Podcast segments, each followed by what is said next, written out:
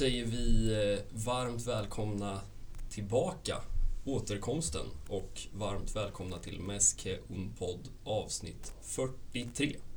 Ja, som du säger. Inte, inte en dag för sent. Nej, återuppståndelsen efter, eh, ja, jag vet inte hur riktigt man ska beskriva det här uppehållet vi har haft men eh, det har väl varit eh, covid-sjuka och liksom eh, Ja, det har varit, det har varit någon halv, lockdown. ja någon man halv lockdown. som. Eh, Men nu står vi här på andra sidan. Det Ja. är restriktionsfritt och, Ja, och alla är väl friska och krya. man ser Eh, ljuset. Ja, verkligen. någonstans. Men, eh, ja vad sa vi, när var vi här? Det var alltså innan Elche-matchen. Och det Ja. är då sent i december. Ja, strax innan eh, jul måste det ha varit. Ja, två månader sedan. Det har ju eh, hänt en del. Det har hänt mycket. Men eh, vi ska väl inte stå i eh, fyra timmar idag. Men eh, vi går väl eh, ganska raskt. Vi får väl börja med att gå ganska raskt eh, bakifrån och, och fram. Absolut. Det blev ju vinst mot Elche. Det är lite kul att göra det här för man får ju liksom, man, man fattar liksom hur fort minnet sviker en. Ja men verkligen, men eh, om inte jag kommer ihåg fel så var väl jag vet inte, det här Barca-syndromet som vi pratar rätt mycket om under hösten. eh, Att man eh, inte kunde hålla, hålla en ledning liksom. Ja, att man blev så, så otroligt svaga fast man var två bollar upp. Eh, det spelade ju Det är väl den där matchen mot Celta som är någon slags... eh, Ja. Det är väl 3-0 i halvtid och så tar Precis. man 3-3. Ja, Symbolen för... Men det har väl, det har väl bättrat sig lite. Måste man väl ändå påstå. jo men det har det gjort. Eh, Vi kommer väl till det, men det, nu när man... Jag har faktiskt inte tittat på den här resultatraden rakt upp och ner eh, så värst många gånger. Men jag tycker det blir ganska tydligt nu när man ser att det är ju skakigt. Eh, egentligen från att Xavi tar över till... Ja, egentligen är det väl Atletico-matchen som är Mm. den riktiga vändpunkten känns det som. Men sen är det ju också en... Det känns som att när man tittar på resultaten också så är det ju en dipp där. Liksom precis i början på året. Verkligen. Det är den här svåra, svåra första cupmatchen som man alltid får åka och spela på en jävla konstgräsplan i Andalusien eller något. Jag ska faktiskt erkänna att jag inte vet vart Linares är. Är de i Segunda B eller något Ja, liknande? det känns så. Jag... Fasen, man borde ju ha pejl på dem om de hade mött Barca B, men jag Ja, vet knappt om de har gjort det. Alltså. Men där, jag vet inte, men... Kämpade till sig en vinst där. Tre pinnar borta mot, på Mallorca också innan dess. ja en svår bortamatch mot, Ja. mot Sevilla som också Ändå mer avhandlades. smak vill jag minnas då, att man tänkte att... Mm, Sen hände det väl också, och det ska vi väl också komma in på, men det är ju i princip två olika lag vi pratar om. Från ja, när är alla på plats, Adama och Auba och det är väl egentligen typ Ja men det är väl efter januarifönstret har Ja. stängt i princip där i början av, eh, just inför eh, matchen mot Atletico Madrid. ja, eh, Som verkligen får bli någon form av liksom brytpunkt. Ja. Tror jag under den här säsongen att det finns liksom en pre den matchen Mm. och ett efter. Mm.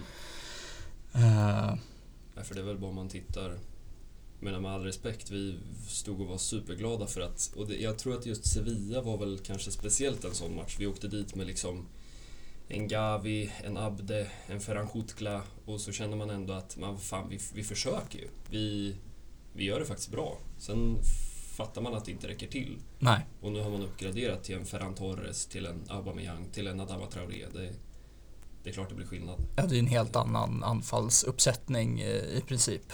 Men ändå samma... Det, det känns ändå som att det är samma grundtanke ändå. Eh, visst, man har fått den här Dani Alves, ska vi väl också återkomma till. Det finns ju en del att Mäktiga säga Dani Alves. Dani Alves. Men, men det är väl egentligen den riktigt stora förändringen som har skett. Nu är ju inte han spelbar på ytterligare ett par matcher, men, men just den inverterade högerbackspositionen. Men annars känns det ju som att det är ungefär samma roller. Ja, Alltså en, en ja, möjligtvis då att han har petat på upp Gavi på en slags inga jämförelser i övrigt, men en Iniesta ytterroll. Ja, Iniesta hade ju den där vänster, Mm. vänsterkanten för sig själv Mm. eh, under en period. Ja. Eh, och gjorde väl det jättebra. Ja, Eh, man skulle peta in, eh, ja det fanns ju ett par lirare där, Fabregas och Thiago ja, verkligen. på den tiden. Nej men det känns ändå som att grundtanken är densamma. Skillnaden är att man har en Adama Traoré istället för Abde. Ja, Man har en Aubameyang istället för eh, Chutkla. Med all respekt till de spelarna så har ju de en bit kvar om man ska Ja, på riktigt. verkligen. Eh, Framförallt om de skulle vara liksom startspelare. Eh, jag menar man har lirat Ilias Akko-match, liksom 16 bast. ja. Eh, det är klart det blir tufft. Och sen för min del, det vi inte ska glömma att vi har en Pedri tillbaka. Mm. Det, man märker när han, nu när han har spelat kontinuerligt att jäklar vad, vad man saknade den, eh, den grabben. Ja, det är ju en... Vi ska fan eh, avhandla fem minuter Pedri sen. Det är ju en... Ja, jag vet inte, Xavi sa väl att det är en... Han kanske är bäst i världen på sin position och han är 19 och det vet jag kanske inte om jag håller med om men det säger en del om... Ja, men talangmässigt och liksom om hans utvecklingskurva fortsätter så här så är han ju där inte alls för liksom långt i framtiden utan ganska snart. Och- Nej, det känns som att det finns en hyfsad trio med Nico, Gavi och Pedri. Verkligen, Och så ska man ha in en Frenkie de Jong där någonstans. Och då kanske det blir en ytterroll för, för Gavi då. Det, han klarar ju det mesta. Verkligen. Men vi ska väl ner lite i, i djupet också innan vi fortsätter för att det var ju, vad ska man säga, egentligen första halva, ja, långt in på januari egentligen var det ju halvdeppigt. Alltså den här matchen borta mot Granada var väl egentligen ingen höjdare och så åker man och gnetar till sen seger mot Linares och sen är det de två cupmatcherna Just det. där det blir eh, uttåg både mot Real Madrid i Supercup och Athletic Club i Cup. Ja, och resultaten är väl eh, Supercupen är väl vad det är. Eh, Ja. Man gjorde väl ändå det helt okej. Liksom man visade ändå, det fanns någon typ av energi där Mm. tycker jag som inte fanns förut. Ja, Och, men lite Sevilla-matchen syndromet också, att man tänker att okej, vi... Man ser mönster, man ser eh, någon typ av vilja, någon typ av mod kanske. Mm. Men det är ganska tydligt att Real där och då var numret större. Ja. Även om de väl inte egentligen heller gjorde någon jättematch. nej, Typisk Real-match. Men, ja. Men den matchen får vi också in Ansu Fati Mm. som eh, gör väl mål inte långt efter eh, inhoppet. Mm. Och om man ska brygga det till cupmatchen mot eh, Athletic Club. Mm. Eh, matchen var ju en jävla berg och dalbana liksom. Eh, vad är det Pedri som får in någon Iniesta borta mot eh, Chelsea borta mot Chelsea mål liksom Han i har börjat, eh, jag vet inte, han har väl, det är väl uttalat från honom själv och Xavi också tror jag, att han ska börja ta avslut. Och, Ja, Med tanke på vad han böjde in senast, även om Aubameyang då fick sin ja, det är väl inte en dum idé. Nej men som du säger, berg dalbana är väl eh, inte helt fel ord. ja och så slutar det med, ja, men med en uddamålsförlust och, och men det kanske det tyngsta tappet är att Ansu går ju sönder där eh, igen. Mm. Eh, och blev väl borta ungefär tre, fyra månader sägs det. Ja, det sista jag har hört nu är väl att det ska vara goda rapporter och det siktar på april då, men eh, ja, det känns ju som att det inte är läge att eh, skynda för mycket. Nej, Med tanke på... Ja, man, man glömmer nästan. Men det är väl för att liksom, man tittar på en Gavi, man tittar på en Pedri, man tittar på en... För all del en Adama Traoré som är skitkul att titta på nu. Lite glömmer man Ansu Fati. Jag går Ja. inte runt och tänker på honom stup i kvarten. nej inte jag heller och det, jag vet inte, det kanske är bra. Man, för hans egen del tror jag väl att det hade jag varit någon form av rådgivare så hade jag väl kanske stängt säsongen för hans del. Eh, man har en ganska bra anfallsuppsättning eh, och som du säger kommer han in så är det någon som ska petas och när ligatiteln är ju ganska långt bort. Ja, det Eh, och det finns väl goda chanser till den här topp 4 placeringen som har varit målet den här säsongen. Ja, det är ju 42 pinnar nu då. Och Atletico har också 42 men de har en match mer. Den och så där, fyra poäng upp till Betis då, som också har en match mer. Så att, eh, ja, man har ju satt sig i ett... eh, Ja, med tanke på hur det såg ut ett tag i... Ja, ja egentligen när Xavi kom också ett tag så kände man ju att det här eh, kanske inte går vägen. Men nu har man ju alla möjligheter. ja, känns det som. Den där Champions League-platsen var ju länge, eller kändes länge som en någon form av maxutdelning, Mm. eh, vilket det inte gör nu. Eh, Nej, det får man ju på samma sätt. ändå säga. Sen eh, får man väl återkomma. Men det är väl också, för att återkoppla till cupmatcherna, att man... Ja, Supercupen är ju vad den är. Det är ju mest ett jippo, men att man åker ut kåpan kan ju låta liksom högtravande och säga så när man kämpar om en Champions League-plats, men kanske var det just det som behövdes den här säsongen. Mm. Och lite samma, vi ska återkomma till Europa League såklart som kickar av i morgon kväll. Men eh, lite samma känsla har jag där. Att vad är det värt egentligen? Mm. Ehm, men, samtidigt så, ja, man kan ju inte gå ut och ställa skorna liksom heller. Ehm, Nej, och det har väl- Skicka, skicka liksom B-uppsättningen? Jag vet inte riktigt. Nej, men det har ju Xavi varit ganska tydlig med att han ser eh, Europa League som en, ja, men som en turnering att, att vinna Mm. eh, och att man kommer att satsa på, på två fronter Mm. eh, i ligaspelet och Europa League och det är ju ädelt. Ja, och Eh, jag menar det är också något man ska klara av. Jag menar det har Barca gjort. Ja, när man inte ryker i åttondelar mot PSG med 4-1 så har man ju alltid balanserat. eh, Jag menar, ska du ta en trippel då, då är det ju två matcher i veckan en säsong. Så Ja. det, det är ju inte på det sättet man ska fundera på. Men, eh, men uttåg i båda kupperna blev det. Men sen, sen vände det. Eh, Jag vet inte, vad hade du för känsla inför Atletico-matchen? Ja du, eh, känslan var väl att det var ett Atletico som inte är det Atletico vi är vana vid. Mm. Eh, det ska ju sägas, de har ju haft eh, nog så kämpigt som, eh, som Barca har haft den här säsongen. Jag har hamnat lite i skymundan. Ja, de har liksom inte korsfästs på det Nej. sättet.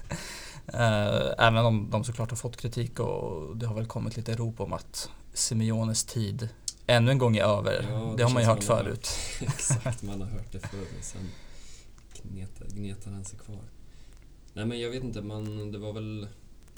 Ja, det är ju alltid sådär en stor match. Jag vet, jag hade ju den där listan på... Vet inte om det var 13 raka utan seger. Om man räknar då Atletico, Real och så har man ju haft Juventus, Bayern, Mm. PSG i Champions League. De 13 senaste, man vann ju mot Juventus hemma i det gruppspelet ju. Är Nej, borta var det. Borta. Ja. En vinst på, jag tror det var 13 matcher.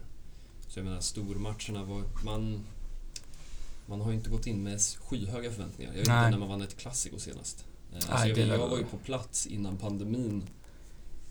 Vad är det? December 2019 måste det ju vara. När man Mm. spelar 0-0 på Camp Nou. ja, jag kan Och faktiskt sen- inte ens komma ihåg den senaste klassikovinsten. Det väl kanske så här åtta klassikon utan seger, något i den stilen ja, tror jag. Ja, det skulle inte förvåna mig. Ja, men det var lite de ingångsvärdena man gick in med. Mm. Eh, och sen, eh, sen small det. Ja, men samtidigt som liksom det var ju eh, någon form av stor publik tillbaka. Eh, 75 000 jämfört med höstens snitt på ungefär typ 45. Eh, och liksom strålande sol och nyförvärven på plats. Eh, Ja, fan, man är så jävla tacksam för publiken. Ja. Eh, jag, jag tänker på det varje match nu. Fy fan, aldrig igen alltså. En eh, tomt ekande... Man, man vande sig vid det också. Mm. Men eh, nu känner man ju att det är så här det ska vara. Ja, nej men eh, Laporta och gänget har ju kampanjat hårt för att eh, det är nu eh, de äkta fansen ska visa Mm. var skåpet ska stå, Mm. helt enkelt. Men ja, men känslan var väl god samtidigt som man aldrig riktigt vet vad man har Barca, där och då i alla fall. Mm. Eh, med tanke på de föregående veckorna. Eh, och det började väl inte heller jättebra när eh, är det Jao Felix som, nej Carrasco, som, eh, som gör 1-0. eh, Evigt underskattade Carrasco Ja. måste jag säga.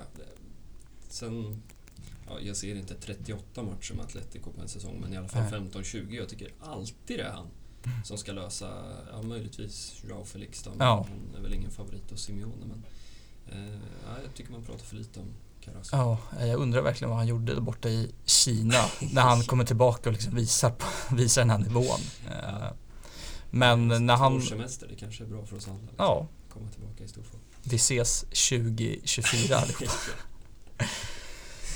Nej men tung, eh, tung start. eh, Ja.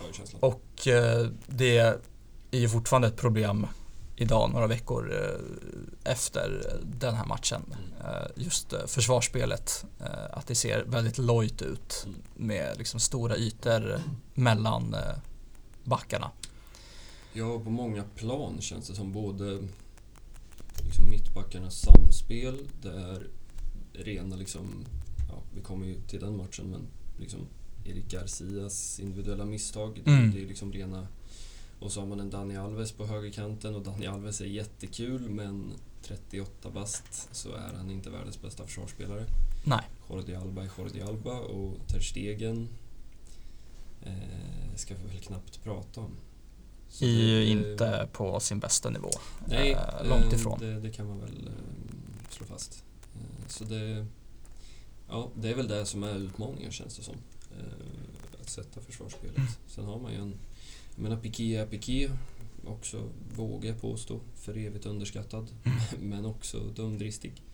Eh, Men ändå återigen, någon... Vi ska väl återkomma till Espanyol. eh, Mm, Men eh, ja, det känns som att det finns, finns en del att, att jobba på. verkligen.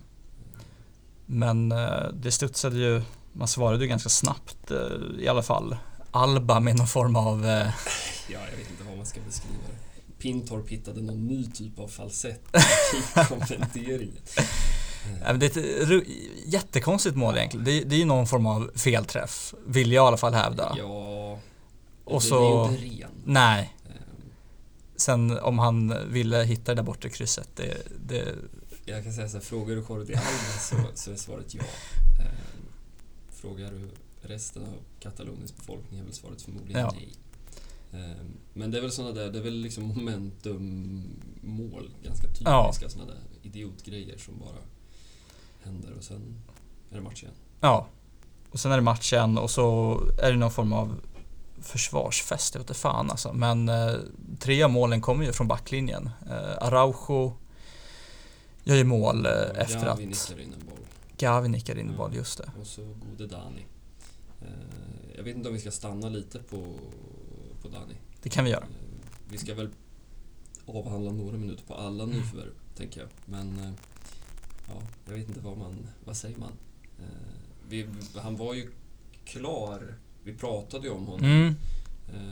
För han blev väl klar mitten på december typ. Ja men Men- eh, men först av alla i alla fall. Eh, var ju tvungen att träna där i en och en halv månad innan han fick göra Han debuterade väl där mot eh, Linares i Ja, tror cupen. Eh, och eh, nej men vad ska man säga? Det känns ju som att de har spolat tillbaka tiden Ja. till eh, 2015 liksom. Ja, det, det är faktiskt, jag måste säga det, det är ofattbart. Ja, Det är ju 38 år gammal är ju inte en komplett spelare längre men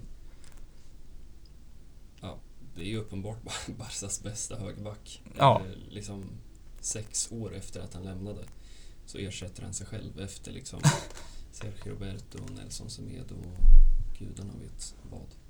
Serginho Dest som får nöta Ja, bänk. som väl också har fått lite av en eh, nystart kanske. Ja, Eh, fick ju väldigt fina ord av Xavi Mm. eh, senast. Eh, men eh, ja, bilden är väl när Alves trycker in fyran och armar ut och bröst fram. Och, tar emot tar publikens jubel. Ja, Ja, nej men alltså han förkroppsligar väl rätt mycket tycker jag av det som har hänt sen Xavi. Att just den här energin och någon form av stolthet att Mm. det här är fucking Barcelona liksom. Eh, och det går vi ut och visar på planen. nej, det känns ju långt borta liksom. Sen säger jag inte att det är ett färdigt lag nu, men jämfört med vad man gick ut och presterade under Koman vissa matcher. Mm. Eh, det känns ju faktiskt inte som att man har varit i närheten av den. Även om jag säger inte att alla matcher under Xavi har varit eh, ens 3 plus. Nej. Men eh, det känns alltid som att man har haft en vilja i alla fall. Mm. Eh, och det vet jag att man satt ibland under tidig höst och funderade på vad vill vi egentligen? Eh, Verkligen. Vi går ut och spelar fotboll. Eh, nej, men det är fint att ha honom tillbaka. Sen får vi väl se om det blir... Eh, jag utesluter ju inte att det blir en säsong till. Det är Nej, verkligen till, inte. till i sommar, men Nej, Fortsätter han så här så finns det väl ingen anledning till att eh, göra något annat än att eh, nej, det känns väl inte så. slänga fram ett nytt kontrakt. Och jag tänker ju med att min Gesa försvinner i sommar. Han var ju på väg bort nu redan i januari. Ja, då är det Alves och, och Dest och så har man Araujo som kan täcka upp. Det, Mm. det känns ju ganska stabilt. Jag vet inte om vi ska använda det här som en eh, liten brygga för att vi fick faktiskt en stolt eh, eh, fråga. Jag skickade ut det i Twittervärlden. Ehm, jag vet inte om du såg den? Nej, det har jag Då faktiskt får du inte ta den på volley. Ja. Eh, potentiella förstärkningar till försvaret eh, var frågan. Ja, Eh, och på tal om då, jag vet inte vad det är man prioriterar. Eh, nej men alltså ska vi utgå från snacket som var under januari så är det väl en vänsterback och en mittback. Mm.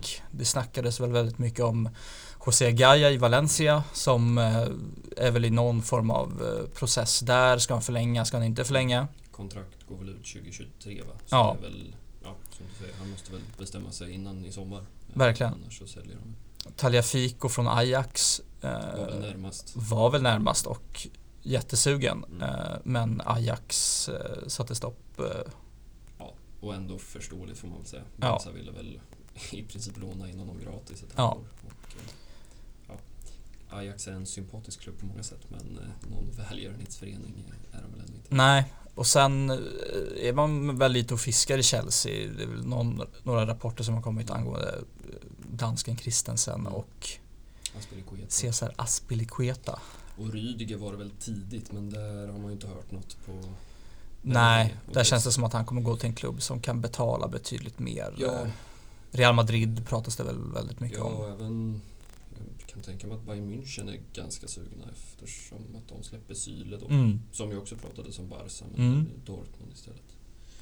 Eh, Grimaldo är väl också ett namn som har, har lyfts. Ja, det, det, det är ett namn som jag gillar. Eh, jag också. Det är väl så här eh, Lex Barca nästan, att man plockar in gamla Ja, talanger som har försvunnit. Eh, Adrama Traoré till exempel. Ja, Grimaldo har väl samma kontraktssituation också som Gallardo. Ja. Han sitter till 2023 och det är klart, ska man sälja Ja, då behöver man ju sälja i sommar Mm. om man inte kommer överens om något. Eh, och han har väl kanske åldern inne också. Han är väl ja, 26 95 någonstans. är han ju. Eh, ofattbar. Han har ju inte riktigt lyckats får man ju säga. Eh, med tanke på vad han gör i Benfica och så har man Marco Correa som är väl en av Premier Leagues bästa vänsterbackar Mm. den här säsongen får man väl säga. Ehm, Men Grimaldo var ju, det var ju Lucho som inte Som stängde dörren. Nej. Och än idag vet man väl inte riktigt varför. Ehm, Spelade ju Juan Camara, kommer jag ihåg, som, som vänsterback någon eh, cupmatch istället. Då var topplocket nära på att ryka. Nej, men jag, de tre känns väl lite som samma låda får man väl ändå säga. Mm. Alltså Grimaldo, Gaia, Tagliafico. Alltså klart habila spelare. Eh, kanske inte på den yttersta nivån. Eh, men samtidigt om man tittar på marknaden så den är inte så lätt den heller. Nej. Eh, jag vet inte. Eh, man vill ju också ha en ganska specifik profil. Men det är klart man kan sitta och drömma om en Alfonso Davis eh, till exempel. Ja, Om han nu, nu har väl han problem med hjärtat där väl. Mm. Ganska allvarligt lät det som. inte spelat på ett bra tag. Nej. Men jag menar en sån, jag vet inte vad det här skulle kosta. Ja, 100 nej. miljoner euro, ja, det, det kan man ju glömma liksom. Eh, så det är väl någonstans, det känns väl som en rimlig låda att, att plocka i liksom. ja, Eh, nej men jag, Grimaldo känns väl som, som säger, rätt profil och ja men rätt ålder och skulle Alba tappa sin eh, position, han är väl ändå över 30, han är väl 32 Ja, precis. och den platsen ska ju ersättas om eh, kanske en nästa, ja kanske nästa säsong men i alla fall om två säsonger. Eh, och, Och man har ju där bakom finns ju Balde eh, som ju har hamnat i det där så farliga limbot mellan att sitta bänk har han gjort mycket i Mm. A-laget. Hoppat in som vänsterytter ett par sådana där 10 minuter, en kvartare. ja, Eh, och så får man inte istället då kontinuerlig speltid i Barça B och så blir det någon slags eh, ingenting. Hela hans säsong har ju varit egentligen ingenting. ett Barca B som går oerhört tungt Ja, ska vi också säga. Ehm, nu är det sidospår på sidospår. men, men eh, ja, interim Sergi har ju inte... Han har det inte jättelätt. Nej, Ehm, nytt... Ja, de räddar väl Lucas de Vega. Räddar väl en poäng i helgen. Men... ehm, man är väl strax ovanför det där ja, nedflyttningsstrecket. En poäng ovanför. Sen ska man också säga att det är en tight jävla Mm. eh, liga det där. Men... ehm, Det är fem poäng mellan toppen och botten men nästan. Så man kan ju vända och vrida på det lite om man vill. Men eh, nej, det har ju inte sett, eh, det har inte sett bra ut. Eh, och ja, jag vet inte, jag kan tycka att de borde kanske ligga på lite där nere i Katalonien, journalisterna, för att man läser inte jättemycket om det. Nej. Eh, och det finns också en Laporta som plockade bort Pimienta i somras. Eh, och alla vet vad Laporta har för relation till Barjuan. Eh, och det är ganska uppenbart att, vi har ju pratat om det tidigare, men Barjuan hade ju inte fått jobbet om han inte hade relationen till Laporta. Nej. Ehm, och eh, ja, jag menar Laporta är en politiker, Mm. alla vet det och det är klart att han ska få... Ja, jag är väl ändå så rationell så att jag tänker att i viss mån så får man väl köpa det att om man plockar in Laporta, ja då, då kommer det komma en del jäv. Mm. Det är liksom, så funkar det. Men sätt inte jäv, då, då får det väl vara någon liksom, inte vet jag, någon ekonomisk rådgivare eller två. Ja. So be it. Men sätt fan inte din polare på den kanske viktiga, inte viktigast position i klubben såklart, men en av dem. Ja, Eh, jag menar, det man skördar idag med Ja, nu är väl Gavi och Ansu Fati undantaget med att de klev rätt igenom. Mm. Men jag vågar ju påstå att en sån som Nico Gonzales hade inte varit i närheten av ett A-lag om det inte hade varit för Pimenta. nej. Så är det. Och detsamma med Araujo. Mm. Eh, Detsamma med Ricky Push, Mm. även om den tiden är väl på väg att ticka ut. Det är väl ett helt avsnitt. Ja, Eh, Collado Mm. likaså. Eh, så vi får se, det pratas väl om Capellas som ska kliva in istället. Då, om det ja det känns väl oavsett om han lyckas klara det där kontraktet med B-laget så känns det väl svårt att han Ja. ska få fortsatt förtroende över nästa Ja. säsong. Nej, det är ju... Lite tillbaka till var man har varit. Inte riktigt så illa som det var för ett par år sedan när man bara hade 26-åringar och skulle Mm. spela Segunda för att det var skitkul. Liksom. Men det är ju inte jättemånga. Jag menar för... Nu var också 99-generationen otrolig, men för ett, två, ett, kanske bara ett år sedan, två år sedan så fanns det i princip en spelare på varje position som man kände att här finns det möjlighet att kliva upp. Eh, Och nu jag vet inte om de är tre eller fyra eller fem kanske. Mm. Och det är inget fel i det, men det finns nog mer att, att hämta, känns det som. Verkligen. Vi får uh, återkomma med Ja. Barca B-kollen. Ja, vi släpper inte ögonen på interim Sergio. Nej. Det är en sak som är säker. Men eh, sidospår. Eh, det, det var vänsterbackarna. Mm. Eh, jag vet inte, bara snabbt sådär höger. Där, så- där man har... Eller det namnet som har flytit omkring är ju Masraoui. Mm. Eh, som sitter på utgående kontrakt och har Mino Raiola som agent. Där har vi också en riktig så här, värvningsprofil som vi är eh, ganska vana med nu. Att Mm. man plockar folk som har eh, utgående kontrakt och eller kan komma på lån och en billig peng Mm. helt enkelt. Mm. Och ja, Masraoui, han fick väl sitt stora genombrott när Ajax flög där Mm. i Champions League eh, med Frenkie de Jong och Donny van den Beek och. De Ligt och. Neris och Lasse Schöne och det hela ligan. verkligen. Men eh, ja, jag vet inte, jag har ingen superkoll på honom men det känns ju som att han lite har, inte har haft samma utveckling Nej, efter den säsongen. Lite skadeproblematik också. Eh, sen hade det ju varit något som är lite halvkul med att ja, fan vad skönt, nu sticker Dest till Barca och sen ja, då följer han efter. Ja. Ehm, men jag, ja, det har ju pratat en del om Dortmund där också. Mm. Ehm. Sen kan jag tänka mig att hans, om man tittar på den liksom roll som Dani Alves har haft, lite så ehm, inverterad ytterback Mm. som det så fint heter på UFA-språk. Ehm, där tror jag han hade kunnat göra bra ifrån sig. Men eh, Det är också en fysisk högerback ska vi säga. Eh, har väl längden och kroppen i alla Mm. fall. Så det är ju det är en annan profil, eh, annan typ av högerspringare som man potentiellt kan få in. Mm. Men det är väl, ja, det är väl inte högsta. Det känns väl som att en vänsterback är, är eh, betydligt längre fram Mm. på listan. För att inte tala om mittbackar då. Ja, det är väl inte riktigt vad vi ska klassa Aspilicueta. Han kan väl både täcka upp på mittbacken och Ja. högerbacken som är väl hans liksom grundposition. Ja, och det fanns ju också ja, egentligen de första två månaderna när Xavi hade sitt lilla projekt med Araujo som högerback. Mm. Eh, och det är klart att den positionen hade ju passat Aspilicueta utmärkt. Verkligen. Ehm, Men sen är det väl det där med kon- kontrakt, kontraktslängd, det var ett svårt ord. Ehm, Två plus ett. Mm. Eh, Och då, ja, då börjar man fundera.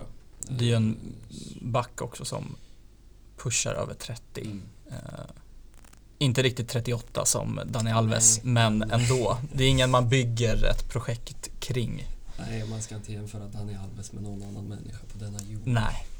Ehm, Men det är väl mycket, det är ju som man märker det ganska fort, det är ju den där lådan man är och letar och det känns som att det blir jag vet inte om det stämmer eller bara om det är min tanke, men det känns som att det är fler och fler spelare som löper ur, som kliver ur sina kontrakt. Mm. Ehm, För att det känns som att det finns allt från en sån som Kylian Mbappé till liksom Pogba kommer ju Ja. också röra på sig i sommar förmodligen. David Alaba gjorde ju det i Bayern. Ja. Bestämde sig rätt tidigt på att eh, inte förlänga och gå till Real Madrid Ja. och Ja. Syle är ju samma sak. tidigare nämnda Syle. Så det finns ju, jag vet inte om det är en trend vi ser ute i fotbolls-Europa. Ja, det är möjligt. Kessie är väl också... Ja, Kessie är bra. Ja, eh, och det är väl också något man funderar på, någon form av mittfältare. Mm. Men där tycker jag att det ser ganska ja, bra ut. det- faktiskt. Det är väl en lyxvärvning i så fall. Mm. Ehm, Men sen är det väl Christensen då. Mm. Eh, Samma sak där. Ehm, Utgående kontrakt. Det är väl en bättre...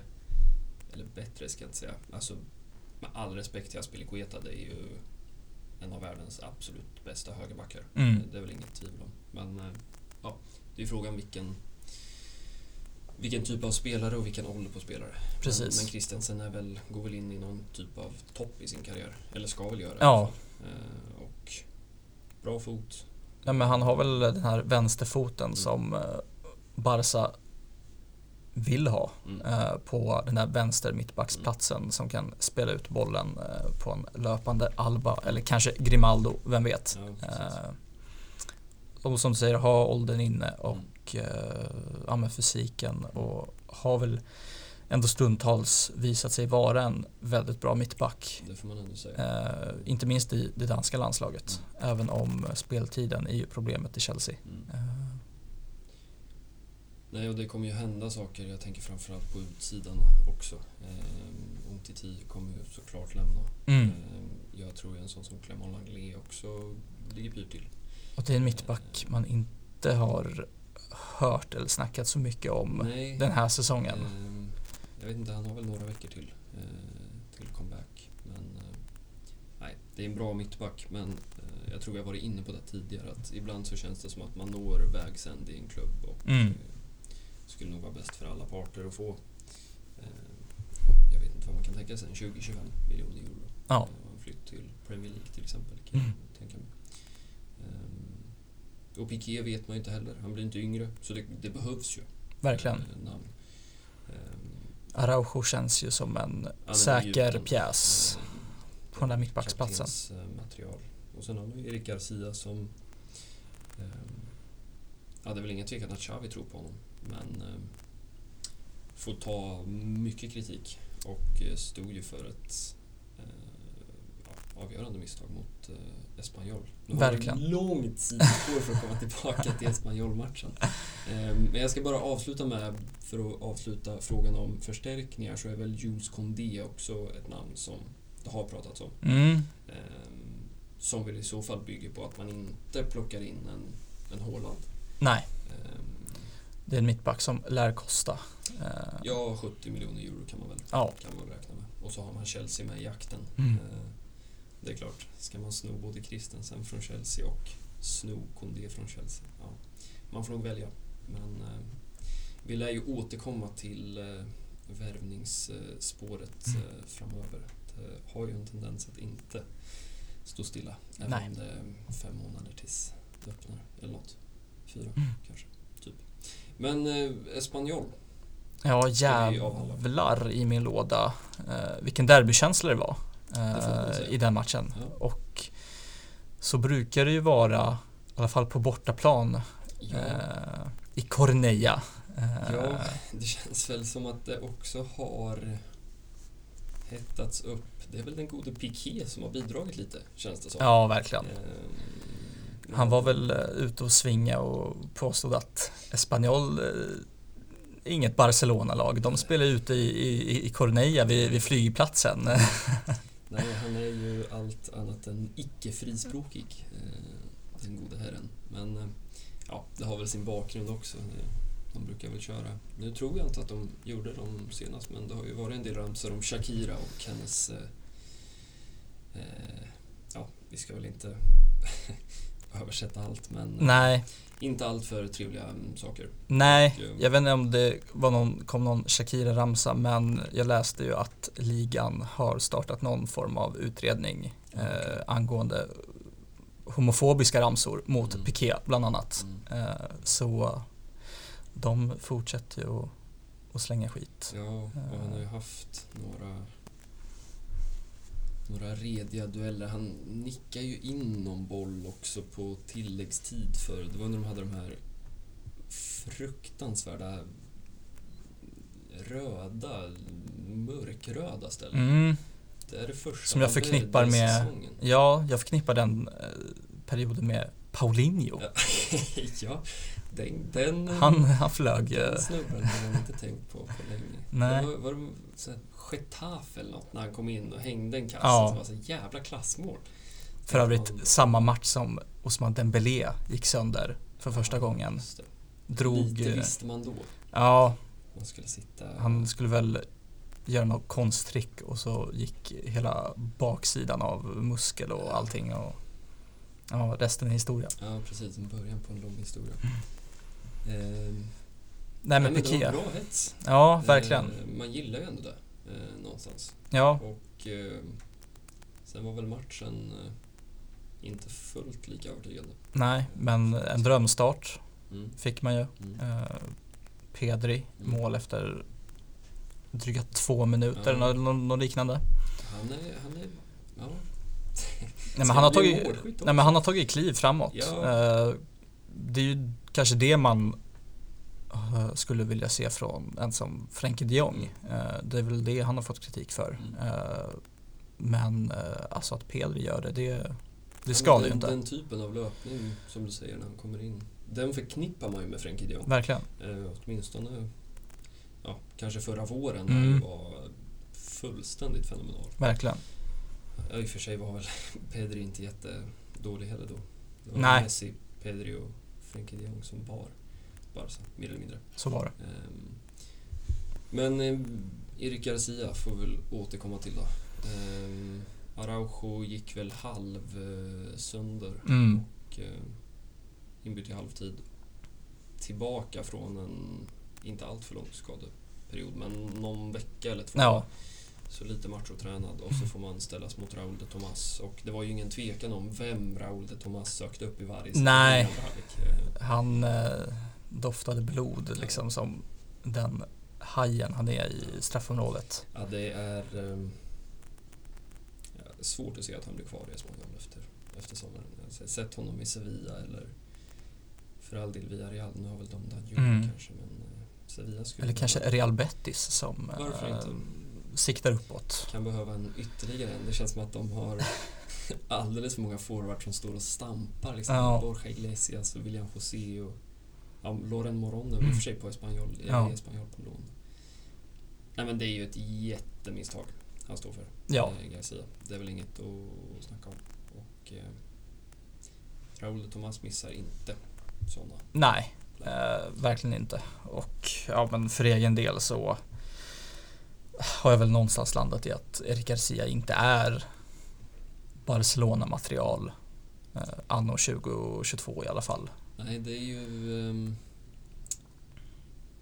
Ricky Push är väl den som fortfarande drar till sig flest reaktioner. Men annars tror jag väl Garcia är den som Mm. delar um, supportrarna mest. Ja, och där eh, har jag sådär, ja, någon form av egen teori men det, han är väl inte den första spelaren som eh, får den här typen av behandling. Men att hade han inte varit en egen produkt eh, så hade jag, jag är rätt säker på att han inte hade fått så många chanser som, som han ändå får eh, i nuläget. Mm. Och eh, ja, det kommer väl någonstans på köpet med eh, La Masia att eh, de värderas på ett annat sätt eh, än andra spelare. Eh, och det har väl sina fördelar och nackdelar. Eh, och det här är väl en negativ sådan. Mm, Ja, för just nu så får man väl ändå säga att det inte känns jättetryggt. nej, Eh, Sen tror jag, och den åsikten står jag fortfarande fast vid, det, att det kommer att kunna bli en väldigt, väldigt bra mittback. För att han har... Det är klart att det brister i fysiken, men jag tror att om du sätter honom och spelar in honom bredvid en sån som Araujo eh, så tror jag framförallt i Barca att det är en mittback som har så pass stora egenskaper i andra delar av Mm. sitt spel att det kan balansera upp. Samtidigt som vi har sett att man ska också ha klart för sig att det är inte lätt att spela mittback bredvid Gerard, Gerard Piqué. nej, Men vi har ju sett på en sån som Clément Langlais som är jättefin mittback men inte alls klarar att stå så högt. nej, Och det är det som är problemet. Eh, Men man kan ju tänka sig själv. Eh, Jag skulle inte vilja stå på mittlinjen och möta Raúl de Tomas eller Iñaki Williams eller Nej. vem det nu är. Eh, Det är en utsatt position. Och jag tror också att man ska ha med sig det i eh, tanken när man bedömer Gerard Piqués 15 år i Barca. Eh, Med tanke på hur sega de benen faktiskt är. Mm, Eh, sen har ju fotbollsspelaren Gerard Piqué ganska många brister också. Men eh, just det där höga spelet klarar han ju på något sätt. Eh, och jag förstår inte riktigt hur till den dag. Men Nej. eh, det gör han. Eh, men det kändes lite ridå där och då. Eh, Verkligen. Vi ska väl bara nämna Sergi Darder också. Som, Ja. vad, nu, nu är ju Super Luke de Jong Super Luke de Jong men, men det känns väl ändå som att Sergi Darder var liksom derbyts eh, frontfigur på något sätt. Ja. Eh, både inför match, eh, där han gick ut och pratade om sin psykiska ohälsa i en väldigt fin intervju, Mm. måste jag säga. Och också leverera på planen på en väldigt hög nivå. Ja. Skruvar ju dit en jäkla kvittering Mm. utanför straffområdet och slår ju passningen till Raúl Ja, de Tomas. Eh, kollar ju upp och ser ju att Erik Garcia är ja, är en, någon, eh, han, han är någon annanstans än eh, övriga backlinjen. Man har och, sett eh, mer smickrande offside-linjer, den saken är säker. Verkligen. Och ja, Darder är ju den här typen av mittfältare som ja, men han, han gör ju inte 10 mål per säsong och slår inte 10 assist per säsong men jäklar vilken fot han har. Mm. Eh, och han sätter ju den som en macka på bröstet på De Tomas. Mm. Eh, Ja, man, är, man är tacksam för de här fina La Liga-mittfältarna. Ja. Alltså jag står fast vid det. Det finns ingen annan liga i världen som har ja, Dani Parejo kommer väl fort upp i tanken efter Mm. igår och Sergio Canales har väl eh, finns väl folk som argumenterar för att han är i den absoluta världstoppen. Sen får man väl vara ödmjuk eh, och kanske inte hålla honom riktigt så högt. vet jag inte om jag gör. Men det är också en fantastisk fotbollsspelare. Som Verkligen. kanske går lite under radarn, Ja. kan jag tänka mig, om man inte tittar. Men det kändes lite som ridå, eh, Mm. måste man ändå säga. Och om vi hade den här 13, en vinst på 13 mot storlag så senast Espanyol vann mot Barca. Det var väl inför eh, matchen 23 matcher utan ja, Espanyol-vinst eh, och som blev 24 tack vare Luke de Gaulle kanske vi ska kalla honom. Nej men jag vet, um, jag satt och kollade några gamla tweets och sådär. Man var inte överlycklig på den snubben i sådär början på november. Nej. Eh, framförallt när Ferran Schutkla kom in och man tänkte att wow, här har vi en forward som kan röra på sig i sidled. Ja. Eh, och han, han blev ju också, minns jag inte mycket vilken match det var, men så här kommer in sista tio och han blir utbuad innan han hinner röra bollen. Mm. Och då tänker man liksom, det här är inte kul för någon. Nej. Skicka hem honom. Eh, och det pratades ju också om, var det Elche? Eller var det Cadiz? Eh, som ryktades plocka, alltså ta över lånet. Eh, men sen har det vänt. Ja, och det är väl ja, men mycket tack vare Xavi tror jag, som mm. Fattar hur man använder en spelare. Mm. Eh, under hösten så startade man ju med, med Luke de Jong och jag trodde aldrig jag skulle uppleva den synen. Jag kommer ihåg att jag skrev att uh, hela spelidén i 90 minuter var att sätta långbollar på en ensam striker. Ja, för uh, det var ju någon, när, de flyttade upp Piqué också, ja. sista kvarten. Nu kommer jag inte önska att man kommer ihåg vilken match det var. Men det var ju, ja det kändes som att det var mer Burnley än, än Barcelona. Ja men precis. och äh, men det var ju något av det värsta man har sett liksom. Ja, till Men nu använder man ju Luke de på helt rätt sätt. Mm. att han ska komma in sista 15-10 i sådana här lägen. Mm. Och ja, det var väl som Ronald Koeman sa, i straffområdet är han farligare än Neymar. Ja, den där tweeten den dyker upp i mitt flöde gång på gång på gång. Man vet inte om man ska hata det eller, eller älska det. Men... Nej, men alltså det väl, finns väl någonting i det liksom. Han har ju inte fel. Nej. Men det finns också en kontext. Ja, verkligen. Som, som lämnar en del att önska. Nej, men det kommer väl, det känns ju som att det kommer bli en kultspelare. Ja. Eh, det känns som att det är en kultspelare redan. Ehm, och han har ju fått enormt mycket beröm av Xavi. Verkligen. Eh, inte bara för sina insatser utan eh, mer eller mindre. Liksom. Här är formulär A1 på en professionell fotbollsspelare. Ja. Se och lär. Och eh, man gillar ju att det går bra för de Verkligen. gubbarna. Sen eh, är det ju inte en spelare som ska vara i Barca. Nej. Det får man väl eh, vara ärlig och säga.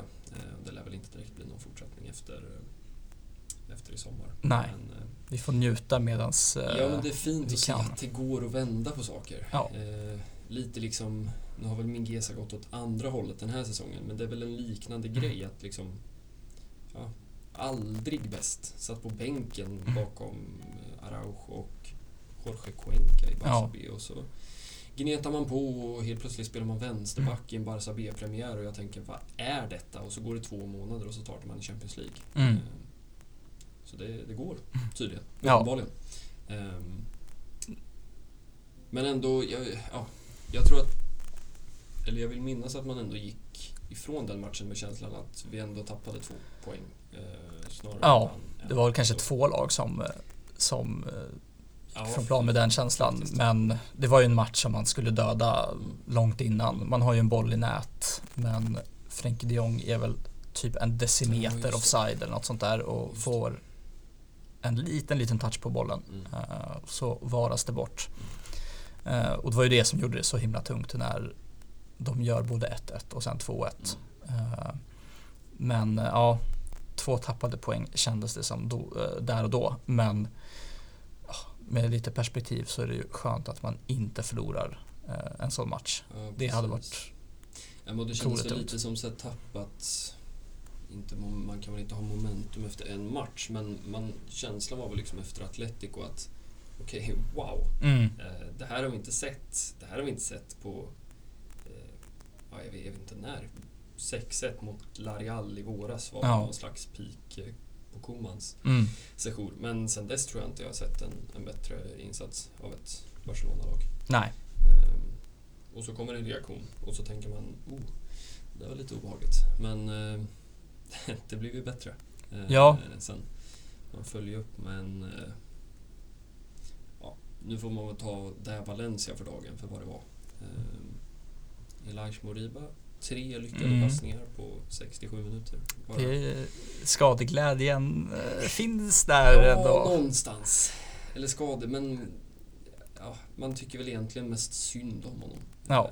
För det är klart, det är väl det handlar ju såklart inte om att han har kommit på att han ska flytta till Leipzig utan det är rådgivare Ja. eh, och agenter såklart. Men eh, ja, han har ju framtiden för sig så det kan ju bli en habil karriär där också. Ja, så eh, är det. Han hade en tung dag och eh, Barca hade en bättre dag. Ja, men Valencia, oavsett om de är i form eller inte så är ju matcherna på Mestalla alltid en tuff uppgift, Mm. på, på förhand i alla fall. Mm. Ja, man vet inte vart man har dem. Nej, Sen kan det vara högt och lågt. verkligen. Eh, Men eh, främst är det ju kul att se att man får utdelning offensivt. Mm. Eh, Aubameyang från start Mm. tillsammans med Dembélé som eh, ja, gjorde en väldigt fin insats. Ja, det får man säga. Nu gick jag lite händelserna i förväg men jag, tyckte, jag tänkte att det skulle vara en snygg brygga att avsluta med Napoli och gå till nästa Napoli sen. Eh, men vi ska väl komma tillbaka Ja, men till det- det eh, tycker jag att vi gör. mottagandet. Men eh, ja, nej, det, det finns ju att välja på framåt nu. Ja, Eh, det är inte alls eh, självklart hur man tar ut en elva. Nej. Eh, Det är väl ett väldigt gott tecken. Eh, Men det var väl en klar 4 plus-insats egentligen ja, rätt igenom. Eh, fortfarande något frågetecken eh, för försvarsspelet Mm. tycker jag. Det var kändes farligt flera gånger om och Ja, Ter Stegen kastade väl in en boll mer eller mindre. ja, Som de varade bort sen. ja tack gode gud att Ja. den bollen var utanför sidlinjen i uppbyggnaden där. Men ja, det kunde ju ha slutat betydligt jämnare. Mm. Eh, det ska man ju säga. Mm. Eh, men eh, ja, man startar ju med en Pedri på bänken liksom och ändå går man upp och bjuder på den här insatsen. Ja, fyra bollar på Mestalla är fyra bollar på Mestalla. Oavsett hur man vrider Så är vänder på det. Känns det som. Verkligen. Men om vi ska stänga ligaspelet en stund. Eh, på Champions League-plats, alla förutsättningar. Eh, och prata lite Europa League. Mm. Eh, som vi redan har gjort i och för sig, en del. Men eh, matchen mot eh, Napoli Ja, förra torsdagen. En ny känsla att sätta sig en torsdag. Eh, 18.45 den ja, nya avspa- avsparkstiden. också. Ja, Det får man kanske inte säga i dessa dagar. Men, eh, nej, speciellt. Eh, men eh, en bra insats där också. ja, Eh, får man ja, försvarsspelet är som det är. Det, jag vet att det kanske låter tjatigt. Mm. Eh, men ja, Napoli gör 1-0 eh, i en match där Barca kanske ska ta ledningen. Eh, kanske en och två gånger innan dess. Ja, det får man säga. Eh, Det är väl egentligen anfallet. Det är väl Ferran Torres som har en jättechans och så vänder och, Ja, och så kommer målet. precis. Så det brukar. Ferran Torres var väl huvudperson i den här matchen. Han har väl fyra ganska klara målchanser. Ja, finns 4-80 procent i alla fall. Ja, kvitterar på straff eh, och det är väl vad det är. Eh, men skönt ändå att han, han kände säker från straffpunkten. Ja. Han gör väl det här lilla Jorginho-hoppet Ja, nästan. Eh, men det är ju det är ett gott tecken. Ja, det finns ju det självförtroende såg, där. Ja, det, men samtidigt såg det inte så bra ut efter matchen. De bröt ju mer eller mindre ihop. Ja, Ehm, men det känns det ju... ja, jag vet inte, det kanske säger något om vilken inställning man har. Ja, ja, men jag tar det nog snarare som ett gott tecken att han vet att han har så oerhört mycket att ge. Eh, och det visade han ju också. Mm. Eh, sen ska ju bara bollarna sitta. Eh, men det kommer väl med tiden, tänker jag. Ja, man hoppas ju verkligen det. För det är ju en spelare med egenskaper som är... Ja, även om man inte gör mål så är väl min känsla hittills i alla fall att okej, det här är en spelare som alltid söker upp Mm. målchanser. Verkligen. Ehm, sen eh, ska det ju till en effektivitet också. Ja, Man, men det är väl det här klassiska uttrycket att så länge en anfallare kommer till målchanser så, så är det liksom inte kört. Nej. Eh, det är när de inte ens eh, överhuvudtaget är där som varningsklockorna ska börja ringa. kliché. Men Mm. alla klichéer är ju också sanna. Ja. det är väl därför de är klichéer. Ehm, men eh, returmatch imorgon. Ehm, och den ska vi väl hinna snacka upp lite. Ja, Ehm, det slutar ju 1-1. Mm. Eh, Dembélé kommer ju in och får väl en eh, otrolig busvisslingsorkan ja, emot sig. en ljudkuliss. Ja. Och det är väl väntat, eh, Ja, tycker jag ändå. Ja. Eh, med allt som har gått ut i media. Eh, Dembélé har ju målats upp som, som skurken Mm. i det här dramat. Eh, och ja, den katalanska pressen har ju egentligen inte varit någon fan av honom de senaste, vad vet jag, tre åren. Nej. Typ. Eh, Men det vände ganska fort. Eh, Det var liksom spännande att höra, för det blir så oerhört tydligt när man, man hör ju vad folk eh, skriker. ja, Jag vet inte, tre, fyra sekvenser och sen Mm. kom de där liksom man, redan när han skulle få bollen så hörde man hur några hade tagit ton Ja. och liksom skulle jubla. Och då blev det som att buropen försvann och så var det någon sekvens där det bara var tyst och sen gjorde han ju något lyckat och ja. därefter så... Nej men han hotade ju otroligt eh, på sin kant. Mm. Eh, och det är därför Xavi också startade honom i, nu blir det lite konstig kronologi här Ja. kanske, men i Valencia i ligamatchen efter eh, Napoli. Mm. Eh, och eh, nej, men han, han gör det ju bra och ja, Xavi kommer ju starta med honom eh, när han känner för det. Mm. Eh, vilket ändå är väl rätt beslut. Ja, jag har nog också landat i det till slut. Mm. Eh, Det är klart, Laporta måste få säga sitt och eh, man, man vet nog vad Laporta tycker och man ska nog också ha Mm. klart för sig att det är ju Laporta som vet vad som har hänt kring förhandlingsbordet. Mm. Där har ju Xavi förmodligen inte samma insyn. Men Nej. eh, Xavis jobb är att vinna fotbollsmatcher och Ja. ska man vinna fotbollsmatcher så då ska man ju spela de bästa spelarna. Eh, Precis. inte, det, I mina ögon så är jag svårt att se vem det skulle gynna också att man, att man sätter honom på läktaren. Nej, det blir två förlorare. Ja, Eh, och det är klart man kan tycka att det är någon form av statement då, men ja, samtidigt så kan man ju peka på att man borde ha löst det här för Mm. ett och ett halvt år sedan. Ja. Ehm, också förvånande att Bartomeu inte men han skickade liksom på sexårskontrakt till Mm. Langley men. Nu tjänar, nu tjänar väl Dembélé tillräckligt redan så Ja. kanske inte ens Bartomeus lilla fuskbudget fanns det plats för Nej. löneförhöjning. Eh, Ja, eh, jag vill också nämna Luke de Jong igen. Mm. Höll ju på att sätta en, ja. ja, en sjuk cykelspark hade det varit. Ja. Men den går väl typ metern utanför. Ja. Eh, men det såg så himla bra ut. Eh, Han är, han är ofatt, är, han har ju haft några, ja, han är inte oäven liksom. nej, Man har svårt att se den där kroppen. eh, Ja, det är många Newton i, i rörelse liksom. När han, han, ja. men vi eh, får ja. se hur de... ehm, Det ska bli spännande tycker jag i alla fall att se hur Xavi matchar laget. Mm, Um, torsdag kväll. ehm, bortaplan.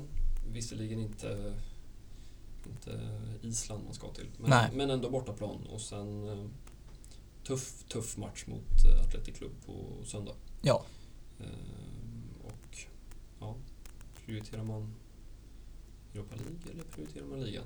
Det känns som att imorgon det blir ganska tydligt beroende på vilken elva han ställer ut. verkligen. Vi ska ju se att alla spelare som är tillgängliga eh, följer med Mm. eh, till eh, Neapel. Mm. Eh, Även Dani Alves tror jag, som inte är inskriven i truppen men han följer Alltså, väl med som någon Solklart att Daniel Alves Ja. ska med och tjoa och tjimma på planet. lite, lite moral support helt enkelt. Eh, och det kan ju behövas. Ja, Eh, det är en kostnad som klubben nog står för med, Ja. med glädje. Ehm, nej, men vi får väl se. Jag är inte alls eh, säker om man skulle stå och försöka peka ut en elva. nej, det är väl så här. Piqué var ju avstängd, Mm. ska vi säga, åkte ut mot Espanyol såklart. Ja, Väldigt har inte väntat. det, men eh, vi kan väl bara... ja, Jag vet inte vad din take var, men jag blir bara trött. Jag förstår inte hur man kan vara liksom 35 år och spela fotboll på elitnivå i 15 år och ändå tappa huvudet när alla vet att det enda de vill är att du ska tappa huvudet. Ja. Jag förstår inte. Och det är klart, Espanyol, han åker på ett gult när det är en kvart kvar. Ja, Och sen är de ju på att hacka på honom. Och det är klart de är. Det ska Ja. de göra. Men verkligen. det måste man ju förstå. Om man är lagkapten, så det är också, man sviker ju laget på ett sätt som... Och min känsla är att man kommer undan. Mm, Jag förstår inte hur Xavi inte står efter match och säger det är ju helt, han är ju helt... eh, Det kunde, nu räddar man ju en poäng ändå, Ja. men det, det kunde ju ha kostat. Liksom. precis. Slutar det med förlust tror jag att då kanske det... Ja, det är i och för sig möjligt. Nu hade Xavi en del annat superlook att Ja. tänka på. Ehm, ja, nej, men nu har vi det sagt. Men Ja. det känns ju som en startplats. Precis, spelade ju inte mot Valencia, eh, avstängd eh, och borde väl vara fräsch Ja. eh, till Napoli-matchen. Eh, Så vet jag inte hur status är riktigt på Araujo. Han har ju... Det är mycket ofta små skavanker och Mm. det smällar. Och, verkligen. Så frågan är om det blir Piqué och, och Garcia då. Det är nog det säkra kortet vilket skulle jag säga. måste säga. Osimhen var ju... Jag har inte tittat, jag är dålig på att se Serie A. Mm. Eh, sett honom någonting i gruppspelet tror jag, men... Ja, Ja, det är en jävla ja, striker får i djupled alltså. Eh, Får han till en effektivitet så är det ju en 25 ligamål i samtliga topp Ja. 4 ligor känns det Ja, men det, han visade det på Camp Nou också och rann igenom där en och Ja. två gånger. Eh, Men ja, sen har vi väl Alba på vänsterbacken Mm. och Dest på högerbacken. Alla väl bli så. Ja. Nu gjorde i och för sig Mingueza det väldigt bra, måste man säga. Mm. Eh, Man var lite orolig för Insigne där, men uh, skötte det bra. Insigne som väl, vad jag förstår, är väldigt tveksam. Mm. Gick ut skadad i. Midweek-matchen. Ja. Sen men det vi- känns väl bäst kanske ändå. Ja. Mittfältet är ju, känns nästan omöjligt. Han kan ju välja och vraka hur han vill. Ja, men Pedri började ju på bänken mot Valencia. Bör nog ses som en uh, fingervisning om att Ja. han startar. Eh, Ja, sen är frågan om man gör. Jag kan ju tänka mig att Gavi spelar också. mm. Möjligt att han vilar Frenkie då kanske. Om man inte Mm. skjuter upp Gavi. Men då är det någon som ska sitta av Auba, Mm. Adama och... Men det känns väl ändå som att Dembélé, Aubameyang och Ferran Ja, borde vara det självklara. ja faktiskt. An, Ja, spä- det är, nu, men helt plötsligt måste man börja stå och fundera. Vilka ska man... Förut var man så här, "Ja, vad har vi där nere i BL? Ja. Har vi någon mer 16-åring som kan vara med i truppen? ja. Nej, det är andra tider, helt klart. Ehm, Men det blir, ja, en kul match. Mm. Man, man glömmer också den där åttondelen för, eh, vad är det då, två år sedan. Mm. Eh, gick lite, hela den säsongen gick väl lite i skymundan. Eller Verkligen. Eller hösten, eller och sommaren. Ja, just. Så mitt i sommaren. Ja. Nej men det blir spännande med en riktig liksom vinna eller försvinna fight. Mm. Eh, ska ju sägas. Mm. Det är ju kniven mot strupen för, för båda lagen. Eh, även om det är två lag som är högt upp i sina respektive ligor och kanske inte dör om Nej. man inte vinner Euro- Europa League liksom. Nej, för. Serie A är väl också ett jäkla... Ja, det är jämnt där uppe alltså. Ja. Alla, både Inter och Milan och Napoli har väl chans på... Och Juve som eh, är där bakom. Aldrig, Och, Man ska aldrig räkna nej, och Atalanta. Nej men det, de har sitt getingbo de Ja. också. Eh, Så det blir oerhört spännande. Eh, Sen vet jag inte om vi vågar tippa den här matchen. eh, Som vi väl har lovat att vi ska ändå hålla koll på. Ja, men det är kanske är dags för liksom så här en nystart. Ja, jag vill ju tro att de på något sätt eh, tar det. mm. Eh, Och tror också att det kan bli rätt spännande. Eh, Så jag, ja, men jag tippar väl på 3-1 men efter förlängning. Oh, ja, jag är också inne på, men jag säger straff, straffar. Ja, 0-0. Det är 0-0. tråkigt. 1-1. Ja. Och eh, Barca drar längsta strået på straffar. Gavi går fram och. Oh. Det kanske är Ricky Push. Ja, Oh, inbytt i förlängningen i 118. Ja, hoppet är väl det sista som lämnar den. Ja, han hängde ju... Jag måste ju ha någon Copa del Rey-match avgjorde han i en straffläggning Mm, det var väl mot. La Real. Ja, Eh. Då tänkte man, nu kan det vända. Ja men då fick han ju ett otroligt uppsving Ja. medialt också och han liksom var ju världens lyckligaste kille Ja. eh, efteråt och visade ju det Ja. eh, inför hela världen. Eh, och då trodde man ju kanske att det skulle komma Ja, men lite så faktiskt. men Ja, nej, det finns... ehm, vi har fler poddtimmar framöver. Det lär ju fyllas av en del Ricky Bush. ja. Ehm, avslutningsvis ska jag väl bara säga några grejer om söndagens match också. Ja, Ehm, Athletic Club. Giftiga som Athletic Club. Ja, det är tack och lov på hemmaplan. Ja, San är ju en fruktansvärt obehaglig eh, arena att besöka. precis. Borta är de ju inte lika vassa. Eh, tog, de tog ju hem söndagens eh, Ja, imponerande. baskiska jag såg derby. inte matchen. Inte jag heller, men eh, de gör första målet i eh, minut eh, 68 Ja, och så slutar det med 4-0. Det är starkt. Kändes ju som att Larial var klart starkare för liksom bara ett halvår sedan. Men eh, ja, det kanske har vänt. Mm. Det, är, det är också lite, nu är väl Atletic betydligt bättre än Valencia, men det känns som lite samma typ av lag. Man vet Mm. aldrig vart man har dem. Eh, Man kan aldrig gå ut och, och spela av eh, 90 minuter mot Athletic Club. Nej, Eh, nej men det blir en härlig fight söndag kväll Mm. 21.00. Mm. Eh, Fotbollssöndag Europatiden, Mm. det gillar man. Vi är inte sponsrade av. Simor ska vi säga. Nej, det finns andra fotbollssöndagar också. Ja, Eh, Men det blir spännande tycker jag att se hur de ställer upp. Jag blivit lite pigg. Jag gillar att se eh, Athletic. Eh, Men det är den nya generationen som kommer nu med Lillebror Williams och mm.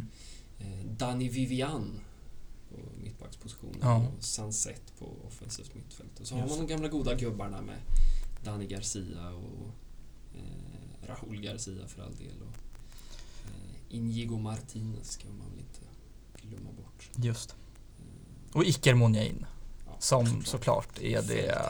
Ja, han eh, trummar på. Var väl... Ytterligare en sån där mittfältare som ska in i liksom Canales eh, Ja.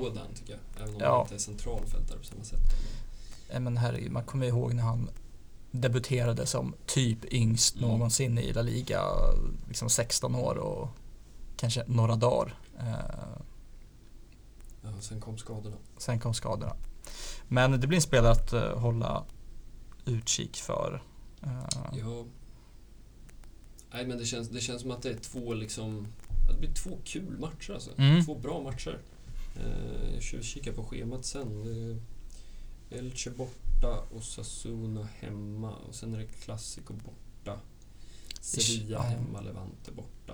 Eh, Det känns ju ändå som tre ligamatcher som man borde ta nio poäng på innan klassikot där. Ja, man tycker ju det. Eh, Det ska ju sägas att det är en ganska bra avslutning. Alltså, man har, vi- visst, det är Larial på Anueta och så är det Betis borta också. Getafe borta är också lite smålurig. Men ja, så- det är klart. Real borta, Sevilla hemma. Mm. Men därefter är det ju det är ett bra schema ändå, måste man säga. Eh, om man ska säkra den där Champions League-platsen som målet väl ändå är. Ja, Eh, även om Laporta tror på ligatiteln. Som sagt, det är en politiker. Ja. Ehm, Det är alltså, ja, man har ju en match i handen då, men det är ju netta 15 poäng upp. Ja. På 13, 13 matcher, 14 matcher. Ehm, Ja, skam den som ger sig. Ja, det är bara kämpa vidare. Ja, eh, och det gör väl vi också. Eh, Kul att vara tillbaka. Verkligen. Även om det känns som att man kunde Ja, det blev en del sidospår. Men det kändes som att det kunde ha blivit sidospår i ytterligare två timmar. Ja. Men eh, vi eh, vågar väl utlova bättre kontinuitet eh, framöver nu. Och, Absolut. eh, satsar väl på, måste jag i och för sig tjuvkika igen, vad vi ska satsa på nästa vecka. Är det veckomatch? Nej, det är fasen en hel vecka. Ja, då har vi ju hela veckan på oss att Åh, vilken lyx. välja ut eh, vilken dag vi ska ladda upp för Elche. Det Mm. känns ju fint. Det är lite som att komma tillbaka där vi slutade senast. Just det. Ladda upp inför Elche igen. Verkligen. Ehm, Men vi laddar för Europa League och ligaspel. Jag säger det igen, två fina matcher alltså. Mm. Jag, jag är laddad. Jag med. Det ska bli... Jag hoppas att vi är lika uppspelta eh, nästa vecka när vi har resultaten i, i handen. Ja. Eh, man vet inte. Oerhört spännande. Men hänger man med så får man se. Eh, vi säger väl på återseende. Och Det gör vi. Tack för idag. Ciao. Hej.